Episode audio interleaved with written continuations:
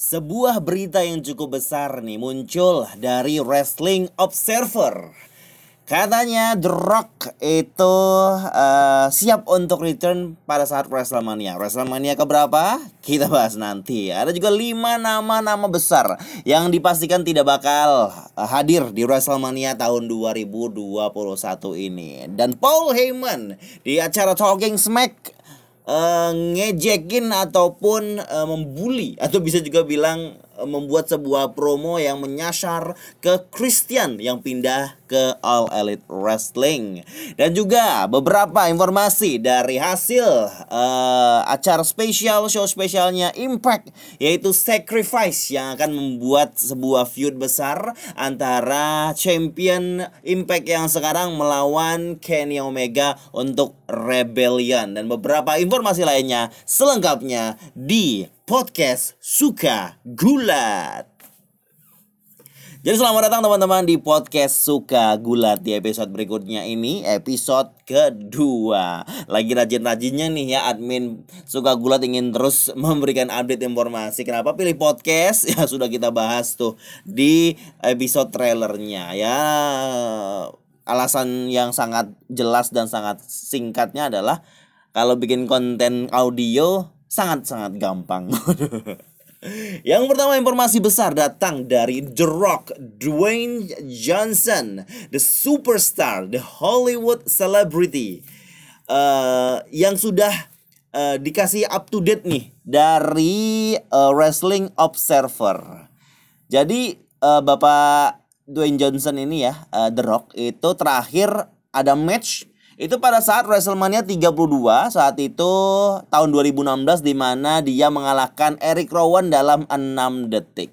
Tapi match dia yang beneran-beneran match itu terakhir itu tahun 2013 di mana dia mengalahkan John Cena dalam uh, WWE Championship Main Event Match at WrestleMania 29 29 ya. Dengan uh, storyline yang sedang berlangsung saat ini di mana Roman Reigns menjadi Tribal Chief dan banyak fans yang pengen uh, The Rock itu harus menghadapi Roman Reigns. Biar kalau misalnya Roman Reigns menang, itu akan membuat Roman Reigns semakin menjadi tribal chief yang sesungguhnya. Jadi orang pengen uh, The Rock ini melawan uh, cousinnya atau sepupunya Roman Reigns di WrestleMania 37 ini. Karena memang storyline-nya lagi oke-oke banget nih dengan gimmick mungkin ataupun uh, tujuan untuk menemukan ataupun mendapatkan Tribal Chief untuk Samoan dinasti dinasti Samoa sesungguhnya. Tetapi sayang sekali itu tidak akan terjadi di tahun 2021. Dari update informasi besar Wrestling Observer, The Rock katanya nih, The Rock sudah ngomong ke officialnya WWE kalau dia ingin kembali dan menghadapi melawan Roman Reigns di tahun 2022 pada saat WrestleMania 38. Tahun 2022 ya, berarti tahun depan lagi di WrestleMania 38. Itu katanya mungkin uh, seperti kayaknya tuh waktunya satu bulan atau dua bulan sebelum ulang tahun The Rock yang ke-50. Udah 50 tahun aja ya The Rock ya. Dan uh, rencana untuk The kembali ke uh, dunia gulat yang bisa dibilang cukup ya singkat ini. Cukup cukup apa uh, early gitu ya. Itu make sense sebenarnya ya. Ini uh, di The juga harus make sure ataupun meyakinkan kalau di dalam masa WrestleMania 38 itu pada saat musim-musim mau WrestleMania 38 di tahun 2022 jangan sampai dia lagi ada proyek film gitu. Soalnya akan sangat merugikan produksi film itu ketika nanti The Rock ada program sama Roman Reigns pada saat dia match dia cedera. Karena umurnya udah udah mau 50 tahun gitu. Pasti mungkin akan gampang kena cedera gitu loh. Kalau uh, The Rock kena cedera pada saat dia match di WrestleMania 38 nanti, akan membuat syutingnya jadi terhambat dong nantinya ya. Ya semoga aja sebelum di WrestleMania 38 dalam masa program itu uh, Dwayne Johnson tidak ada syuting apa-apa. Dwayne Johnson tidak tidak berencana untuk main film apa pun gitu ya di tahun 2022 itu setelah itu.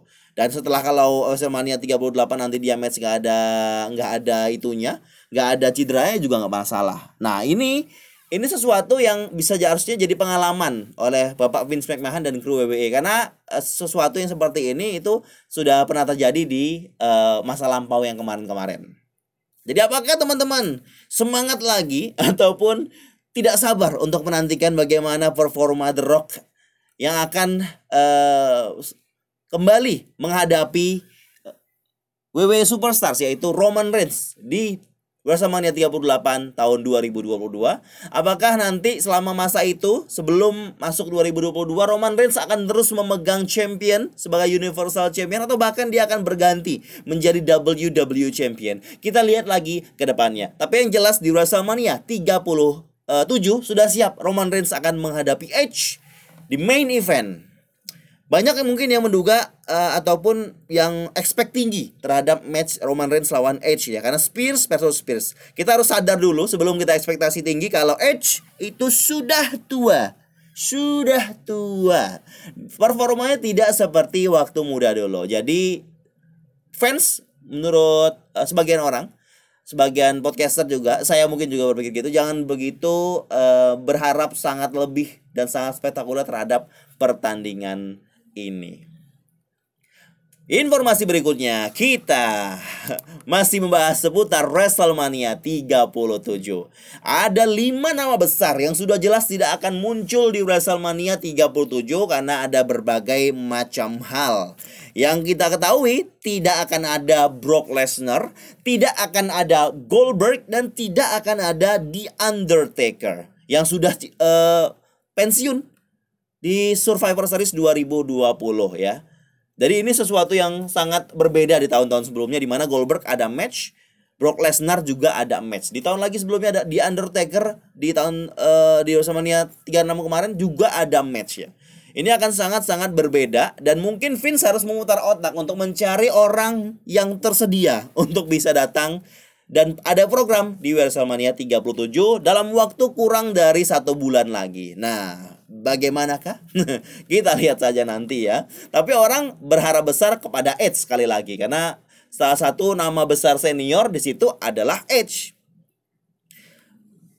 Dan John Cena sendiri sudah bilang, banyak yang bilang juga uh, kayaknya John Cena datang deh WrestleMania 37. John Cena sudah konfirmasi dalam sebuah wawancara kalau dia bilang kayaknya kayaknya nggak nggak mungkin deh. Kayaknya nggak sempet banget deh kalau misalnya saya datang dan masuk ke dalam program WrestleMania 37 walaupun memang ma masih memungkinkan tapi pada saat itu dia lagi syuting sebagai salah satu peran utama di Vancouver kayaknya di Kanada gitu ya untuk syuting yang nama acara serialnya tuh Peacemaker untuk HBO Max, semacam Netflix dari HBO begitu ya. Ini uh, serial spin-off-nya dari karakternya John Cena dari Suicide Squad yang namanya Peacemaker. Ini John Cena sangat tertarik sekali, sangat semangat sekali untuk syuting ini karena direktornya ataupun sutradaranya adalah James Gunn. James Gunn itu orang yang uh, menyutradarai uh, Guardians of Galaxy yang bikinnya jadi mantap banget begitu ya. Kalau saya nggak salah ya, mohon maaf kalau salah.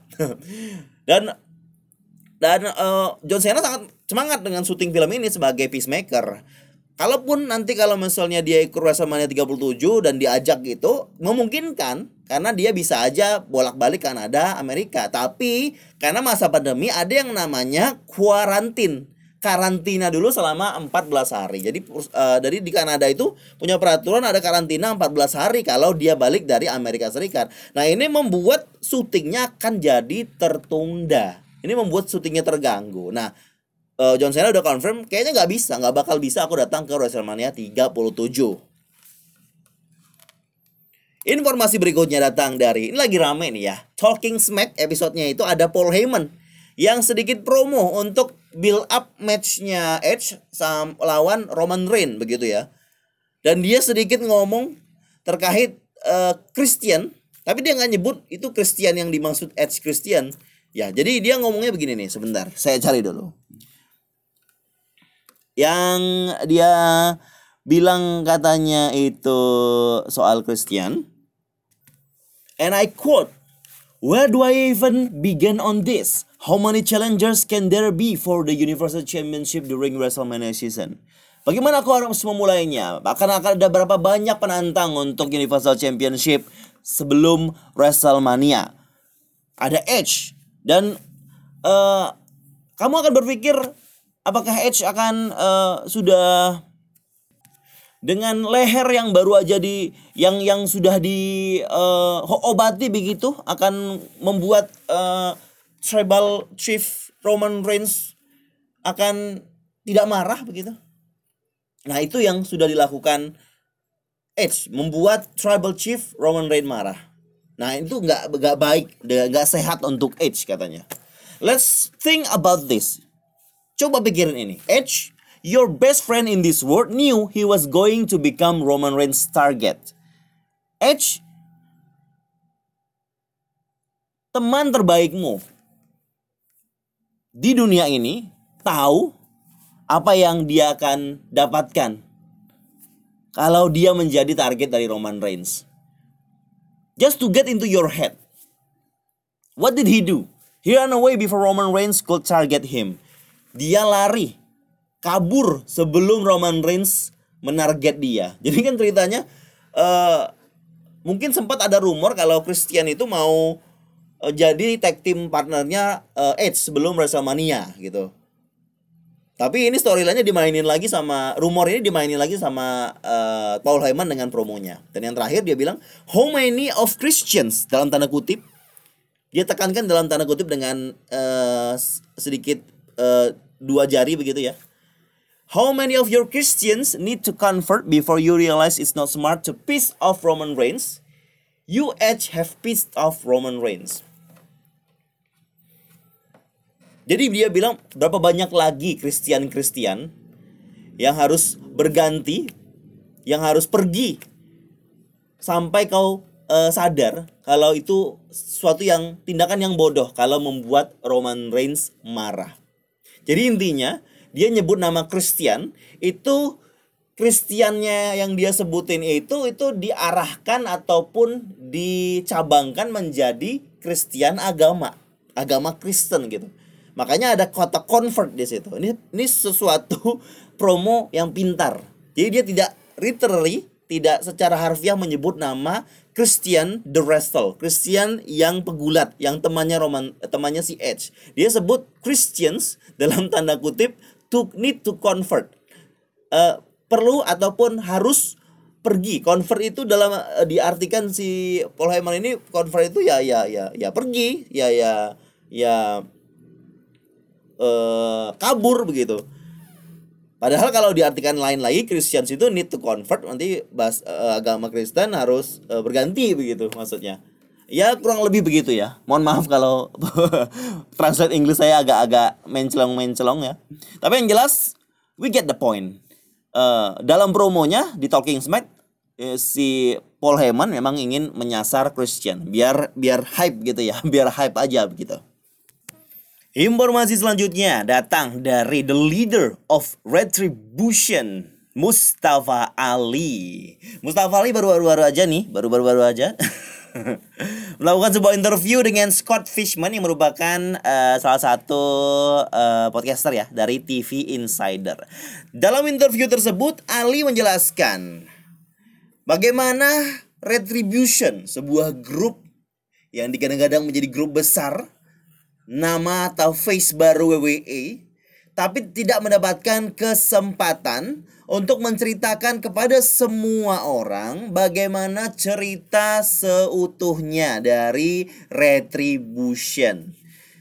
Dan uh, Mustafa Ali ya mengakui kalau eh, berada dalam grup tersebut itu membuat dia mendapatkan kesempatan untuk selalu berada di TV, selalu uh, tampil setiap minggu. Kata Mustafa Ali, ya ada, ada talentnya, talentnya ada dari retribution itu sendiri. Cuma uh, rintangan besarnya ada dari grup itu adalah menceritakan why and who are we? Why are we here?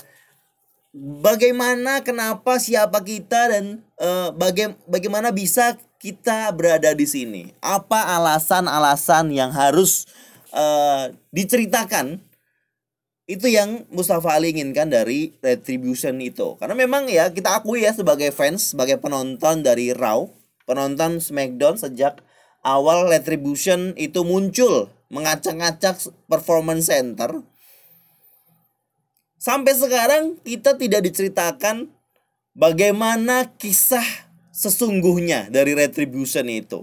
Bagaimana awal-awal rintit uh, rinci runtutan-runtutan cerita dari Retribution itu. Memang beberapa minggu atau bulan setelah uh, Retribution mengacak-acak muncullah Mustafa Ali menjadi leadernya. Dan sampai sekarang pun cerita besar ataupun core dari Retribution itu sendiri tidak perlu apa tidak begitu ceritakan oleh uh, WWE kreatif ya. Karena memang banyak yang bilang orang sudah nyerah. Uh, orang-orang WWE ini udah nyerah nggak mau lagi nggak begitu lagi excited sama adanya retribution ini.